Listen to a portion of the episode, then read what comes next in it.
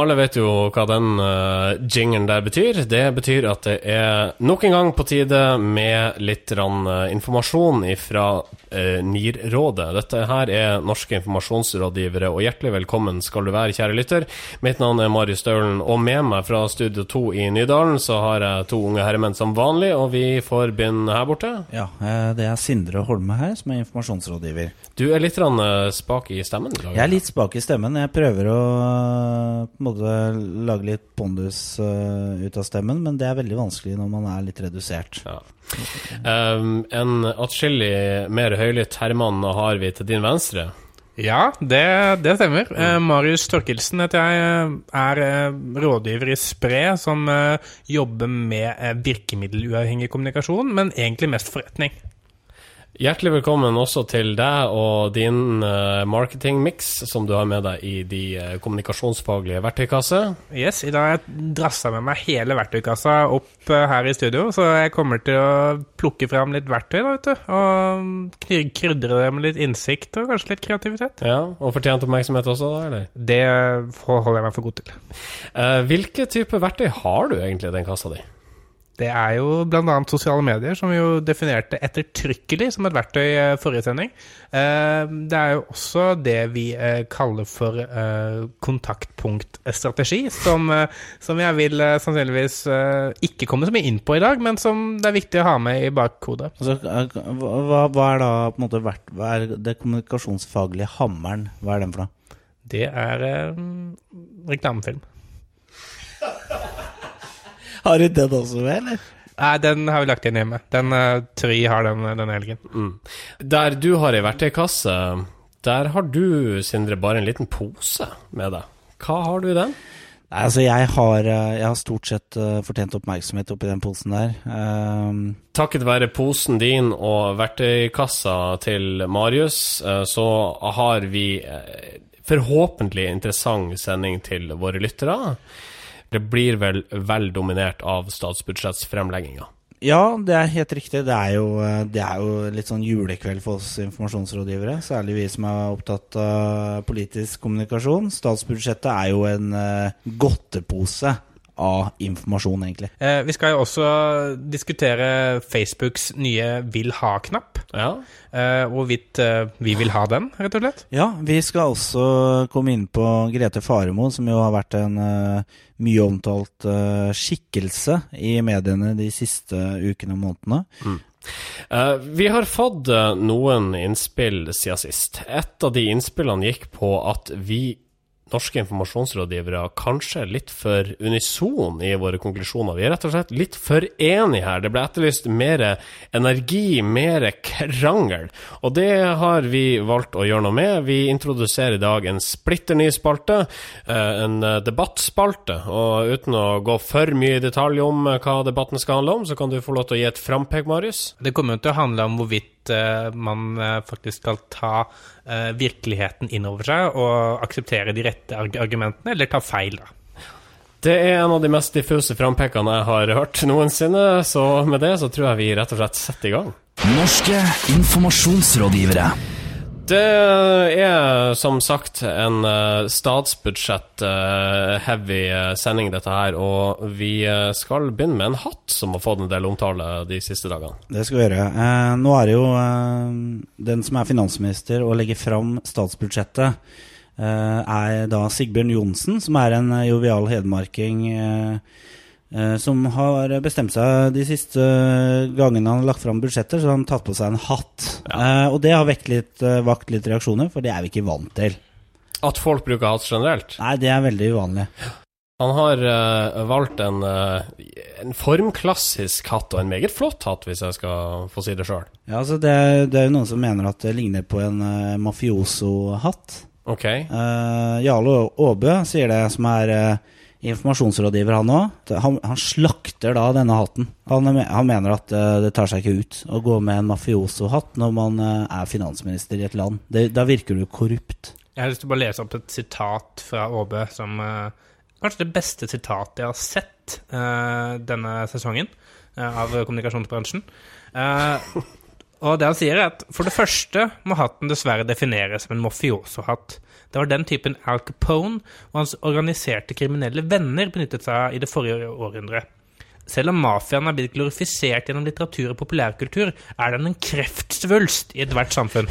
Ja, det, er ganske, ganske sterke ord. han, altså han angriper også mafiaen, og det vil jeg jo si er litt risikofylt eh, for Jarl Aabø. Han vet jo aldri om han kan våkne opp med et hestehode i senga. Ja, det som er litt interessant her, eh, når jeg ser Dagbladet omtaler eh, saken, det er at uh, Sigbjørn Johnsen ser jo litt ut som Robin Hood da, faktisk, med den hatten. Okay. Så det er jo en dobbelthet her, da. Robin Hood og mafia. Uh, hvor bevisst tror dere at uh, godeste Sigbjørn Johnsen er på symbolikken knytta til hodeplagget? Jeg tror at han først og fremst bruker hodeplagg fordi at han trives med det. For jeg tror ikke hvem som helst kan gå med det. Eh, men så tror jeg eh, Arbeiderpartiet har funnet ut at uh, dette, er jo, dette er jo litt kult. Altså jeg, jeg, jeg googla, altså jeg gjorde et såkalt uh, fattigmannsresearch uh, på dette her, og fant uh, 63 300 treff når jeg søkte på Sigbjørn Johnsen og hatt. Oi. Så det er et eller annet med det, det er en magnet da, på mediene. det å ha et hodeplagg. Men det som jeg tror er interessant her, det er at Sigbjørn Johnsen har hatt. I tillegg så går han fra Finansdepartementet og til Stortinget. Han ikke, kjører ikke bil. Og den kombinasjonen den tror jeg gjør at han fremstår litt spesiell og får en egen aura. da. Ja. Jeg, jeg tror at eh, dette her egentlig begynte i fjor. Eh, for de som husker det, så hadde han også hatt i fjor. Eh, men da fikk ikke hatten fokus. Da fikk det at han sa øløv, eh, mye fokus. Eh, så han har jobbet lenge nå med at fokus i år skulle handle kun på hatten og ikke på øløv. Og det har vært ingen eh, artikler om øløv. Jeg vet ikke om du har googla Sigbjørn Johnsen og? Eh, Eh, nei, jeg har ikke. Men det er kanskje fordi at han la fram tolv. ja, 2012, det, det er bare så vidt sånn. Det er et godt poeng. Uh, er Jarl Abbe alene her i kritikken? Jeg tror han er ganske ensom. Uh, jeg tror uh, det, det er litt Da drar man det litt for langt, da, hvis man sier at det er uløselig knytta til til en eller annen uh, kriminell gangstergjeng. For, for altså, folk tolker jo ikke en hatt isolert. Uh, altså, den hatten der har en eller annen idiothatt. Da må du også være det. Altså, det, er jo en, det er jo en kontekst her. Han er jo en finansminister, uh, og det er mange statsledere som har brukt hatt. Så jeg tror, jeg tror det er bomskudd, da. Jeg kan jeg, jeg, jeg bare avslutte avslutte den her med egentlig et sitat fra Marianne Jemtegård, eh, moteekspert på God morgen Norge, som jeg vil si kanskje har det mest fornuftige å si i denne debatten.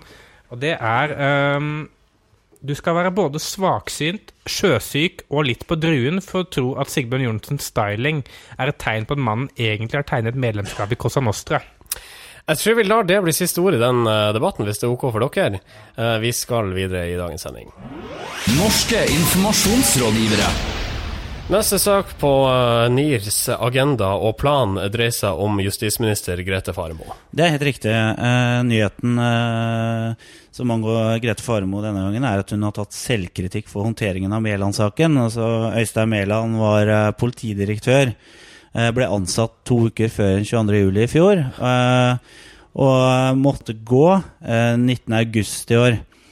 Og det har vært mye snakk om hvorfor han måtte gå osv. Om det ikke var andre i Justisdepartementet som egentlig burde tatt hatten sin og gå. Offisielt så var det vel han som trakk seg, var det ikke det? Ja, Han følte han ikke hadde den tilliten han trengte da, for å kunne gjøre jobben sin. Fordi at uh, på et tidspunkt her uh, så, så meldte Grete Farmo seg inhabil i behandlingen av, av Mæland. Altså tar Grete Faremo nå selvkritikk for i det hele tatt å ha sparka Mæland? Nei, overhodet ikke. Og jeg tar ikke selvkritikk for eh, på en måte eh, beslutninger hun har tatt. Eh, men det, altså, det hun sier, da, eh, det er at hun klandrer seg selv. Det er jo en fin ting å si. Ja.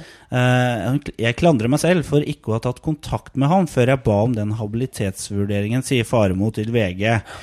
Og det Faremo gjør her, som er litt hva skal jeg si, litt smart, det er at hun ser jo at i kjølvannet av, det som har skjedd med Mæland, så er opinionen ganske negative til Faremo. Okay. Så med det utspillet her, så prøver hun å menneskeliggjøre seg selv litt. Da. Jeg syns det er veldig rart at hun eh, faktisk beklager dette fordi altså, hvis hun skulle, i forkant av at hun ba om en habilitetsvurdering, faktisk skulle eh, informert eh, Mæland om det, så hadde hun da per definisjon vært inhabil. Eh, for det, da er man plutselig krysset over en grense som ikke skal krysses hvis man faktisk er i fare for å føle seg inhabil. Så den kunne jo teknisk sett ikke gjort det, eller i hvert fall ikke forandret utfallet noe. Så den som øh, lurer på om den er inhabil, bør egentlig ikke stille det spørsmålet hvis de er usikre på det sjøl. Nei, i hvert hvert fall ikke til den de lurer på om de er inhabil overfor. Eh, skal vi eh, gi en tommel opp eller tommel ned for eh, Faremos selvkritikk? Altså kommunikasjonsfaglig, eh, tommel opp.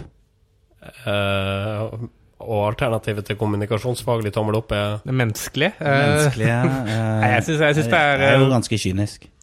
Men det er et smart trekk. Ja, det er det. Kan vi enes om tommel opp eller tommel ned? Tommel opp. Tommel opp. Da sier vi uh, tusen takk til dere to. Norske informasjonsrådgivere. Blant oss kommunikasjonsrådgivere så er det utrolig populært å diskutere disse nye mediene, de sosiale mediene, og det skal vi jaggu meg gjøre i NIR eh, her i dag. Det skal dreie seg om Facebook, som nå har lansert en, eh, en ny funksjon, eller er i ferd med å rulle ut en ny funksjon. Det stemmer. Nå eh, Facebook, det de kommer med nå, den nyeste oppfinnelsen, kan man si, de kommer med, det er en vil ha-knapp. Og det høres ut som det er en eh, liker-knapp, men Ja. det er ikke det. Det Nei. er en vil ha-knapp. Det er for det er en eh, sentral forskjell her. Ja, det er jo det, fordi den nye funksjonen den skal gjøre det mulig for bedrifter å lage egne kataloger på Facebook. Ok. Eh, sånn at man kan markere produkter som man uh, kunne tenke seg å kjøpe. Så f.eks. hvis da uh, postordrekatalogen Select uh, hadde etablert egen Facebook-side, så kan du da uh, klikke 'vil ha' på den ryggkløren som jeg vet de selger. Ja, og den hagegnomen, eksempel. Ja. Men hvilken kommersiell verdi har en sånn knapp, da? Ja, altså den, eh, den har en stor eh, kommersiell verdi, men, spørsmålet her er jo om, eh, om eh, ikke det blir for mye clutter. Altså om det blir for mye støy nå, da, på Facebook. Uh, For opprinnelig så var jo Facebook et uh, vennenettverk, men nå er det jo de kommersielle interessene blir mer og mer fremtredende. Så spørsmålet er jo om det kan bli for mye. Det har rulla fram eh, en del eh, kommersielt innhold på Facebook den siste tida. Liksom hvis jeg bare går og sjekker min egen, eh, min egen side, så har tydeligvis Facebook snappa opp at jeg både er blakk og singel, for her har jeg da lån 5 til- 5000 til 350 000 i dag fra bestevalg.no, og så har jeg en datingapp på Facebook der det er datingtjenesten Zoosk som gir meg den beskjeden. Det er jo interessant i hvilken rekkefølge Facebook mener du bør bruke det. Du først måtte få deg kjæreste, så må du låne penger for å ha råd til å eh, vedlikeholde kjæresten, for å si det sånn. Eh, eller om det er motsatt, at først må låne penger for å få deg kjæreste. Eh, selv om, som Biggie så fint sa det, more money, more problems, så kan det hende at eh, man trenger et visst nivå for å få seg eh, girlfriend. Ja, jeg hadde aldri trodd vi skulle få en, en, en rappreferanse i NIR, men der er den altså.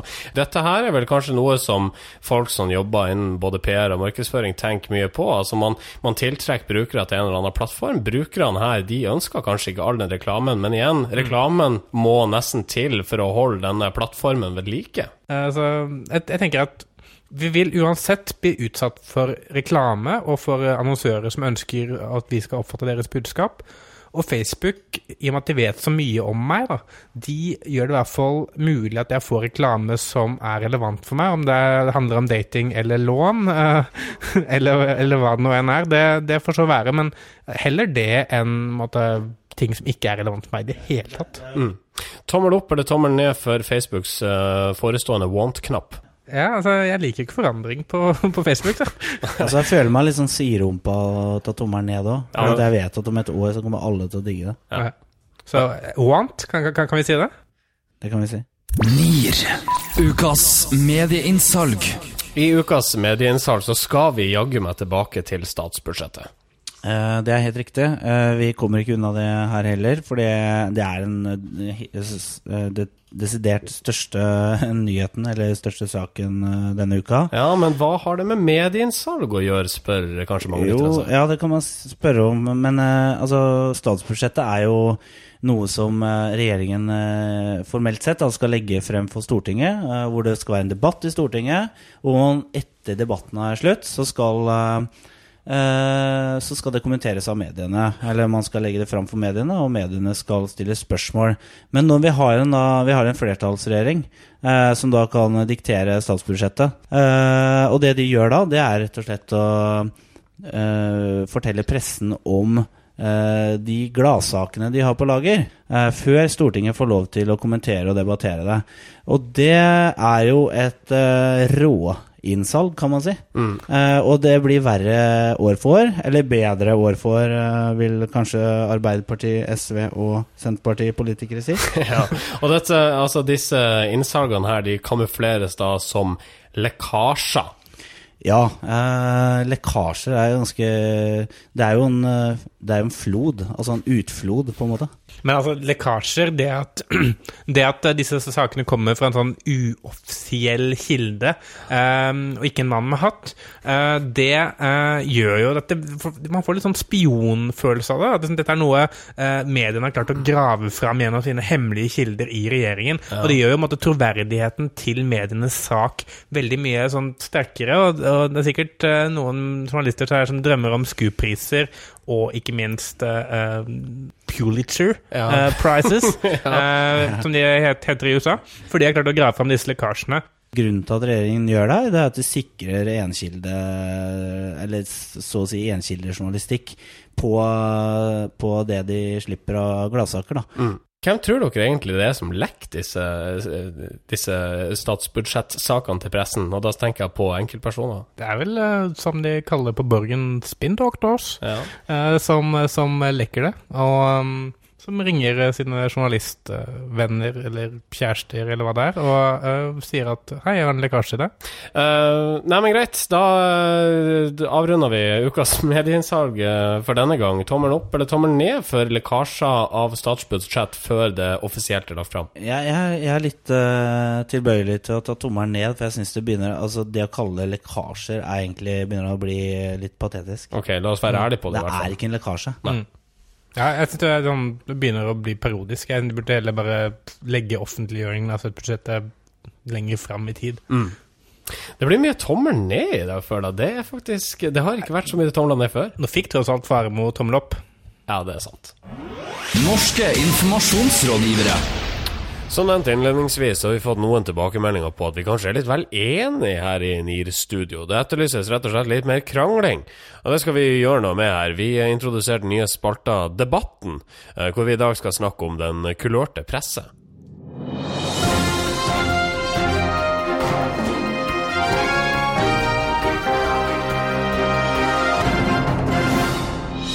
Dagens kjendiser trenger ikke eksponering i sladderpressen for å holde seg i rampelyset. I stedet skaper de egen lykke i andre kanaler med en PR-rådgiver. Har Se og Hør utspilt sin rolle? Vi tar debatten nå. Ja, hjertelig velkommen til debatten her i podkasten NIR. Mitt navn er Marius Staulen.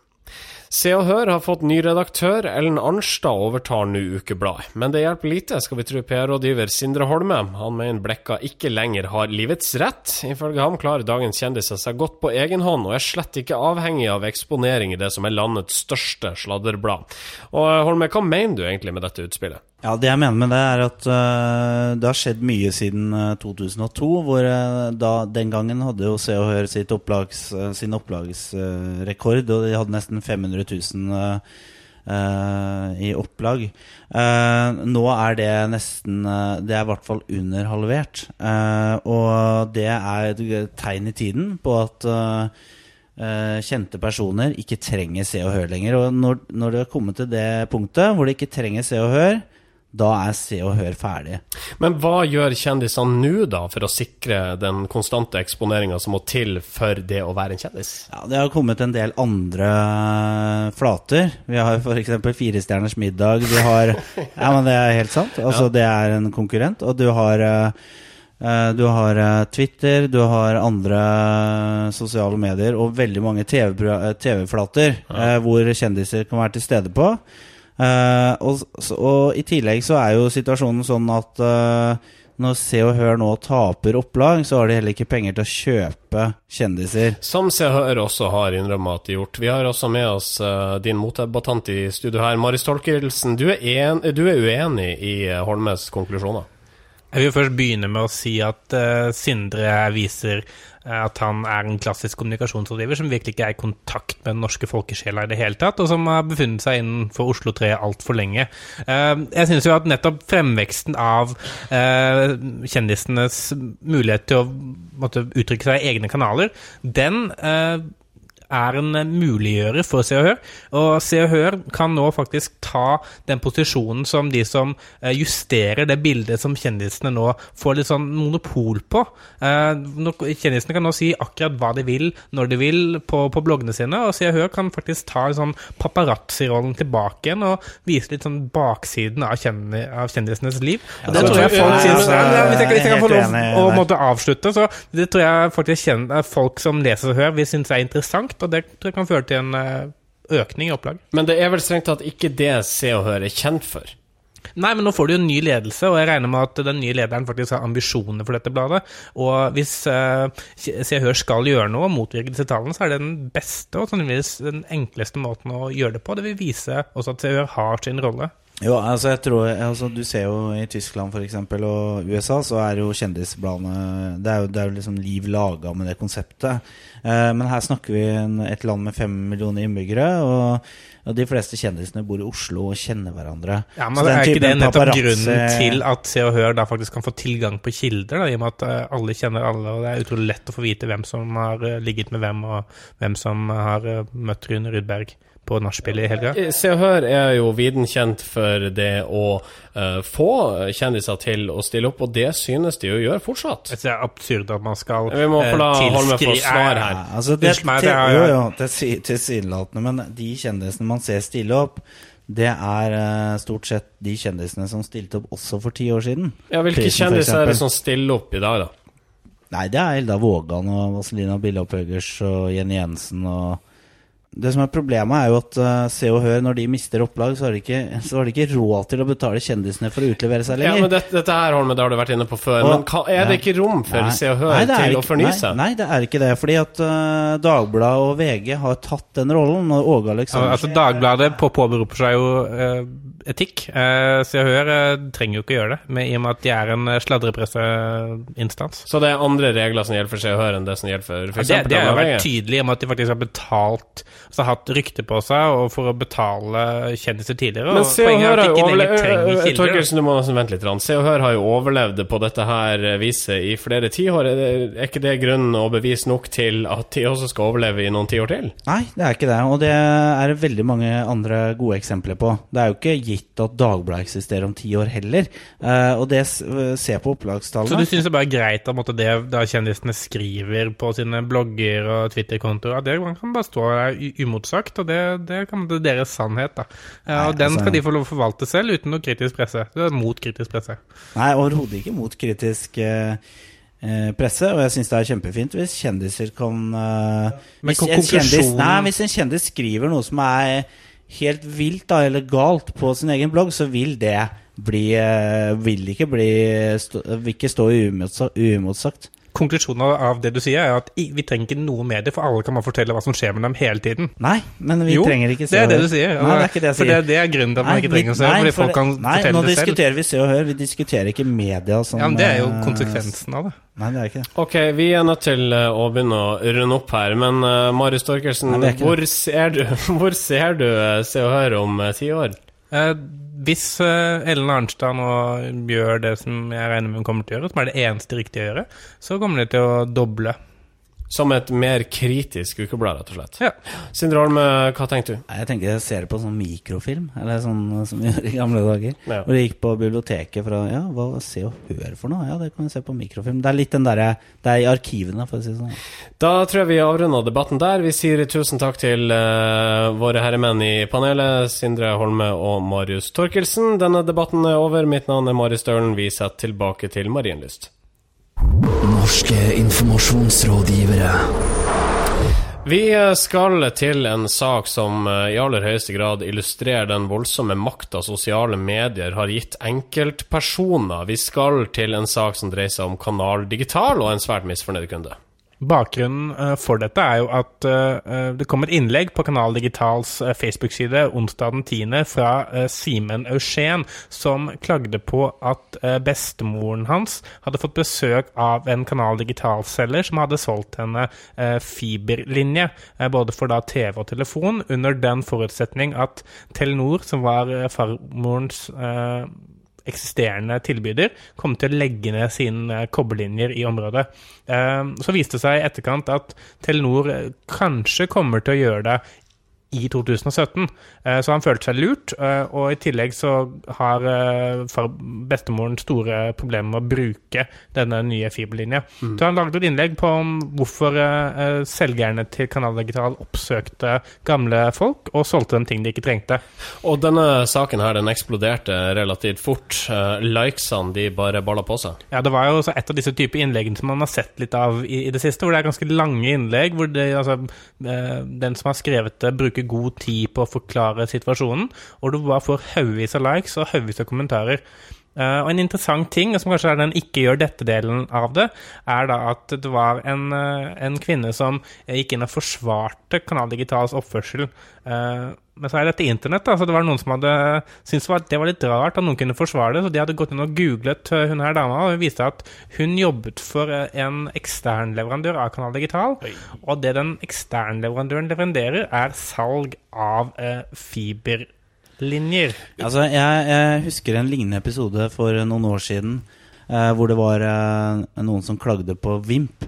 Eh, Telenor, eh, der Telenor altså er involvert eh, i denne streamingtjenesten. Eh, hvor det var Hvor det da kom en person som gikk mot alle andre og sa at nei, Vimp er faktisk veldig bra. Og, og skrev også en del ting rundt Vimp som eh, kanskje vanlige folk ikke vet. eh, hvor folk da ble litt sånn nysgjerrig på hvem er egentlig du som eh, går mot strømmen og, og skryter av Vimp. Jo da, så viste det at denne personen her jobba jo i Telenor. Ja. Og med, altså, i, i dagens informasjonssamfunn der alle, alle har tilgang på all informasjon, så er vel dette en oppvisning i ting man rett og slett ikke bør gjøre. Ja, helt klart. Og eh, altså, jeg, jeg skjønner jo behovet for å forsvare egen arbeidsgiver. Det kan hende det er mer til den historien som ikke vi kjenner til.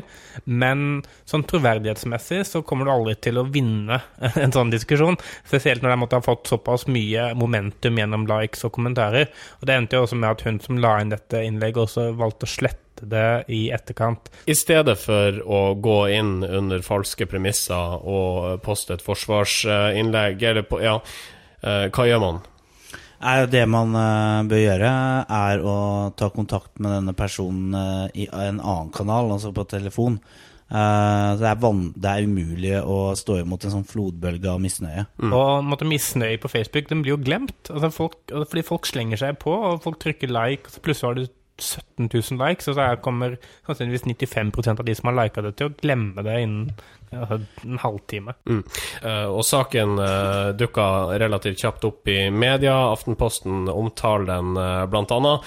Eh, og det skal da sies avslutningsvis her at partene regna seg sjøl som ferdig med saken. Eh, både selskapet som selskapet denne selgeren representerte, pluss Kanal Digital har lagt seg flat. Pengene er tilbakebetalt bestemora, og hele avtalen er basically reversert. Marketing 3.0. Social business. Cloud computing. Social shopping. Begrepsforvirring. Ja, da har vi kommet til eh, den eh, spalten som vi alle er veldig glad i, som heter begrepsforvirring. Og denne gangen så har vi ikke eh, unnlatt å gå innom statsbudsjettet her heller. Eh, og det er, det, er, altså, det er jo et eh, Det er en flora av uh, begreper som brukes i forbindelse med fremleggelse av et statsbudsjett. Og det vi merka oss særlig, som var interessant å ta tak i, det er uttrykket 'tilsagn om tilskudd'. Um, altså lenge, regjeringen har egentlig lenge sagt at de skal innen fe- 2015 skal bygge 12 000 nye heldøgnsplasser i eldreomsorgen. Eh, men det de sier nå, da, det er at de har gitt et tilsagn om tilskudd til 12 000 nye heldøgnsplasser i eldreomsorgen. Og når de sendte ut en pressemelding om dette her, så eh, hadde de noen anmerkninger i pressemeldingen som selvfølgelig ikke folk flest skulle se, men som var til internt bruk. Og det var eh, hvor de gjorde rede for at eh, vi skal jo ikke gi noe tilskudd. Nei? Nei, vi skal gi tilsagn om tilskudd, og det er, det er noe helt annet. Det gikk så langt faktisk at regjeringen måtte redegjøre på sine egne nettsider eh, under overskriften 'Forskjell mellom tilsagn og tilskudd til omsorgsplasser'. Eh, de sier at eh, det skal gis tilsagn om tilskudd til 12 000 heldøgns omsorgsplasser innen utgangen av 2015. Regjeringen er om lag halvveis til målet og har hittil gitt tilsagn om tilskudd til 6000 heldøgns omsorgsplasser. Eh, det det betyr, det er at de skal gi klarsignal til 12 000 plasser innen 2015. Ja, men betyr ikke det det samme som at da kommer det 12 000 plasser innen 2015? Nei, de har ikke gitt, de har ikke gitt klarsignal ennå. Hva har de gitt, da? Nei, de har gitt et tilsagn om tilskudd, og det betyr at de har ikke gitt det klarsignalet ennå. Altså, grunnen til at vi tar det opp i denne, denne spalten, er fordi vi vil jo hjelpe våre bransjekolleger, eh, som kanskje kan ha litt eh, vanskelige kunder innimellom, og eh, kanskje føler at de må love, love seg bort til ting de ikke helt klarer å levere på. Så vi kan si at vi kommer til å gi deg en tilsagn om ferdig leveranse innen oktober. Eh, og så når da, da slutten av oktober kommer, så kommer de til å si at ja, endelig leveranse kommer til å komme litt senere. Og vi ga deg kun et tilsagn. Ja, Så hvis man driter seg ut, så kan man si jeg gir deg et tilsagn om å ordne opp uh, i løpet av tre måneder. Ja. Som betyr rett og slett min intensjon er å ordne opp om tre måneder. Min intensjon er, å, er å bestemme meg for hvorvidt jeg skal ordne opp om tre måneder. Ja, sånn, ja. ja. Riktig, riktig. Så dette er egentlig en setning som ved å putte inn tilsagn ikke er så mye verdt. Jeg, jeg, jeg vil gjerne utbrodere litt her, for det regjeringen sier i tillegg da eh, at de har faktisk et mål også inni dette her. Eh, fordi at Målet er at det skal være gitt 12 000 tilsagn om tilskudd innen utgangen av 2015. Jeg blir ikke noe klokere. Nei, altså Det er jo ganske interessant at man kan sette seg mål som er så tåkete eh, som dette der. Ja. Eh, For dere lyttere som eh, forventer å få fasit i den spalten her, begrepsforvirring, så kan vi ikke alltid love det. Altså, Kan vi det, du? Nei, nå tror jeg egentlig vi har skapt eh, ytterligere forvirring. Er jeg rett? Ok. Norske informasjonsrådgivere. Ukas kudos. Denne uka så har vi noen vi har lyst til å gi kudos til, eh, som vi syns er eh, veldig flinke, og som vi er sikre på at kommer til å bli enda flinkere. Eh, og det er Kommunikasjonsforeningen i Volda, som dere sikkert kjenner til under Kom Volda. Og jeg syns de bare er utrolig flinke til å måtte være aktive i sosiale medier, og til å egentlig ta en sånn krevende rolle i debatten knyttet til måtte, sosiale medier og kommunikasjon og alt mulig rart. Og det er ganske godt sånn faglig nivå på det til at det er studenter. Og eh, det, jeg har jo vært mye i Volda, så jeg vet jo at eh, det fins jo eh, det finnes jo ting i Volda som ikke er så bra, f.eks. De, har jo- de har jo kanskje en av Norges dårligste lokalaviser, som heter Møre. Okay. Eh, så, så det er jo en kontrast. Til lokalaviser, rett og slett. Absolutt. Eh, er det andre ting som er kjipt i Volda? Nei, det er ikke noe annet enn det, altså. Um, jeg regner med at man kan følge komvolda Kom Volda på Twitter. At komvolda, Kom Volda, rett og slett. Norske informasjonsrådgivere. Og NIR nærmer seg slutten for uh, denne gang. Avslutningsvis så vil vi minne om at vi har en e-postadresse. Nearcast.yahoo.com. Vi har også ei Soundcloud-side, soundcloud.com slash Nearcast, der du også finner vår RSS-feed. Du har muligheten til å abonnere på denne podkasten her, slik at den automatisk kommer ned til din foretrukne enhet hver fredag utpå formiddagen en gang. Neste uke så er det Gullkorn i regi av KOM, og NIR kommer selvfølgelig til å ta for seg høydepunktene herifra. Da tror jeg vi skal avrunde, og det gjør vi som vi alltid gjør. Vi sier våre navn, eh, rett og slett i håp om at de skal huskes til neste uke, og det er Marius Staulen her. Det er Sindre Holme her. Og bak eh, spakene, så å si, så er det Marius Torkelsen. Vi høres igjen neste uke. Norske informasjonsrådgivere.